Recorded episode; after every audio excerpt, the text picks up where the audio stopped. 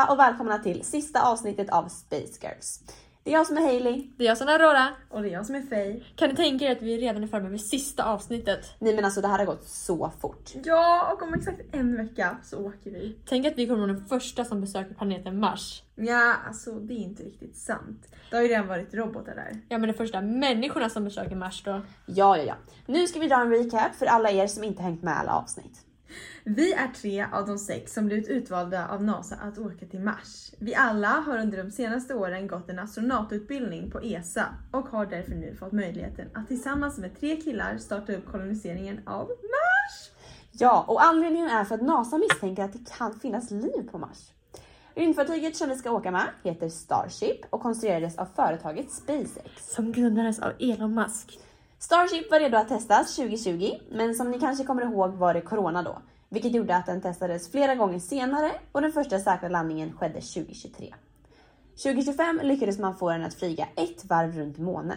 Eh, var inte då som åtta rika japaner köpte upp alla platser för en riktigt saftig summa? Jo, just det, det var det. Och år 2030 var Starships första landning på Mars, fast då med robotar.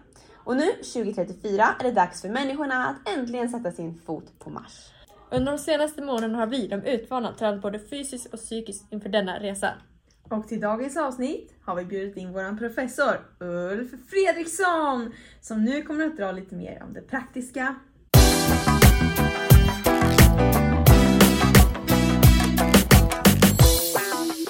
Hej Ulf och välkommen till våran podd! Hej tjejer och tack för att jag får medverka i er podcast. Ja, tack för att du kom hit! Stämmer det att du har jobbat som professor nu i 23 år? Ja, det stämmer. Först började jag min praktik i Indien när jag var i 11 år. Sen testade jag på Kanada i två år, men det var inte riktigt min grej. Och till slut hamnade jag här i USA där jag jobbar de senaste 10 åren. Oj, du har hunnit med mycket du. Men Ulf, skulle du vilja berätta lite mer om hur vi egentligen kan bo på Mars? Jag har inte riktigt sedan jorden, vilket gör att det finns en del problem som måste lösas först. Den största faran som många filmer om Mars inte tar upp är strålningen. Mars har inte något ozonskikte i dess tunna atmosfär som på jorden, vilket gör att strålningen tar sig igenom. Problemet går att lösa ganska enkelt eftersom det finns många grottor på Mars där strålningen inte kommer åt. Ja, exakt. Så det blir nästan som att leva som grottmänniskor under ett år. Så länge vi är i grottan är ju inte strålningen ett problem. Utöver det finns det sex behov som vi människor har att överleva och som vi klarar oss olika länge utan. Det som jag kallar behoven av tre och det ska vi berätta om nu. Det första och viktigaste man behöver är ju hopp och vilja som inte kan klara sig utan i mer än tre sekunder. Därefter har vi tillgången till syre. Utan syre klarar vi oss bara i tre minuter. Och eftersom att det inte finns syre på Mars har vi såklart sett till att lösa det problemet.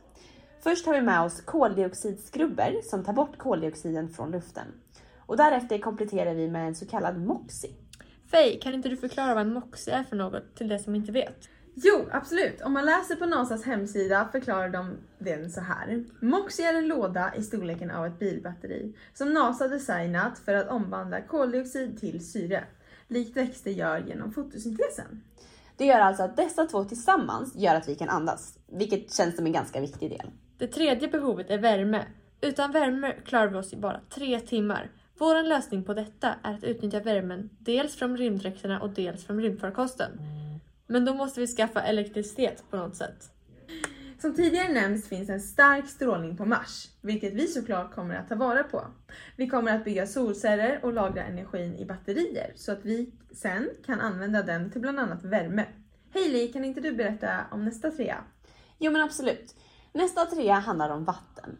Vatten klarar vi oss inte utan i längre än tre dagar. Men som tur är så finns det massvis av is på Mars. Och med vår energi från solcellerna kan vi smälta ner den här isen och på så sätt få vatten. Okej, okay, det näst sista behovet klarar oss utan i tre veckor och det är mat. Det kan tänka som en lätt punkt att lösa. Det är väl bara att ta med sig mat? Ja, det går, men om vi ska lyckas kolonisera Mars måste vi lösa så man kan odla mat där. Det finns lite olika sätt och det vi ska testa handlar om att odla hydroponik, alltså i vatten, helt utan ljud. För i sanden på Mars finns det gifter vilket gör att vi inte vill odla där. Ja, men vi kommer ju såklart ha med oss mat som räcker för tiden vi är där, så oss behöver ni absolut inte oroa er för. Och skulle det inte bli bra att odla så här, så får nästa grupp personer som åker upp till Mars testa ett annat sätt. Och det sista behovet är sällskap som vi klarat oss utan i tre månader. Men nu för tiden är det väldigt enkelt att lösa detta behovet då även en ensam person på Mars skulle kunna få sällskap genom robotar eller liknande. Och ni har ju varandra, så ja, vi har helt enkelt sett till att lösa alla behov vilket gör att ni är redo att åka till Mars. Ja men exakt. Allt är förberett och fixat. Tack så mycket Ulf för att du ville medverka. Tack så mycket!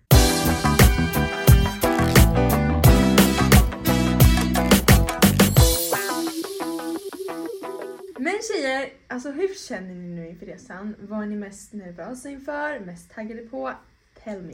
Ja, alltså ni vet att jag är en soffpotatis och eftersom gravitationen på Mars är mycket mindre än på jorden måste vi ju träna en hel del. Nästan två till tre timmar om dagen.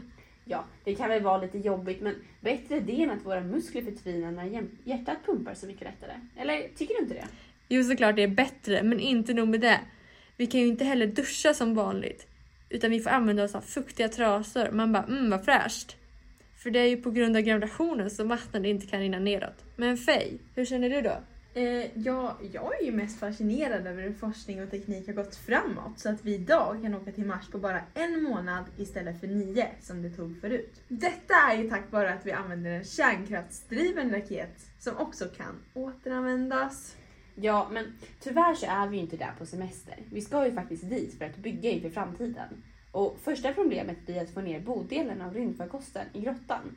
Och efter det måste vi bygga både behållare för raketbränsle och tankstationer för rymdfarkoster. Ja, precis. Ja, vi kommer ju ha fullt upp helt enkelt. Ja. Det kan man ju lugnt säga. Time to say goodbye.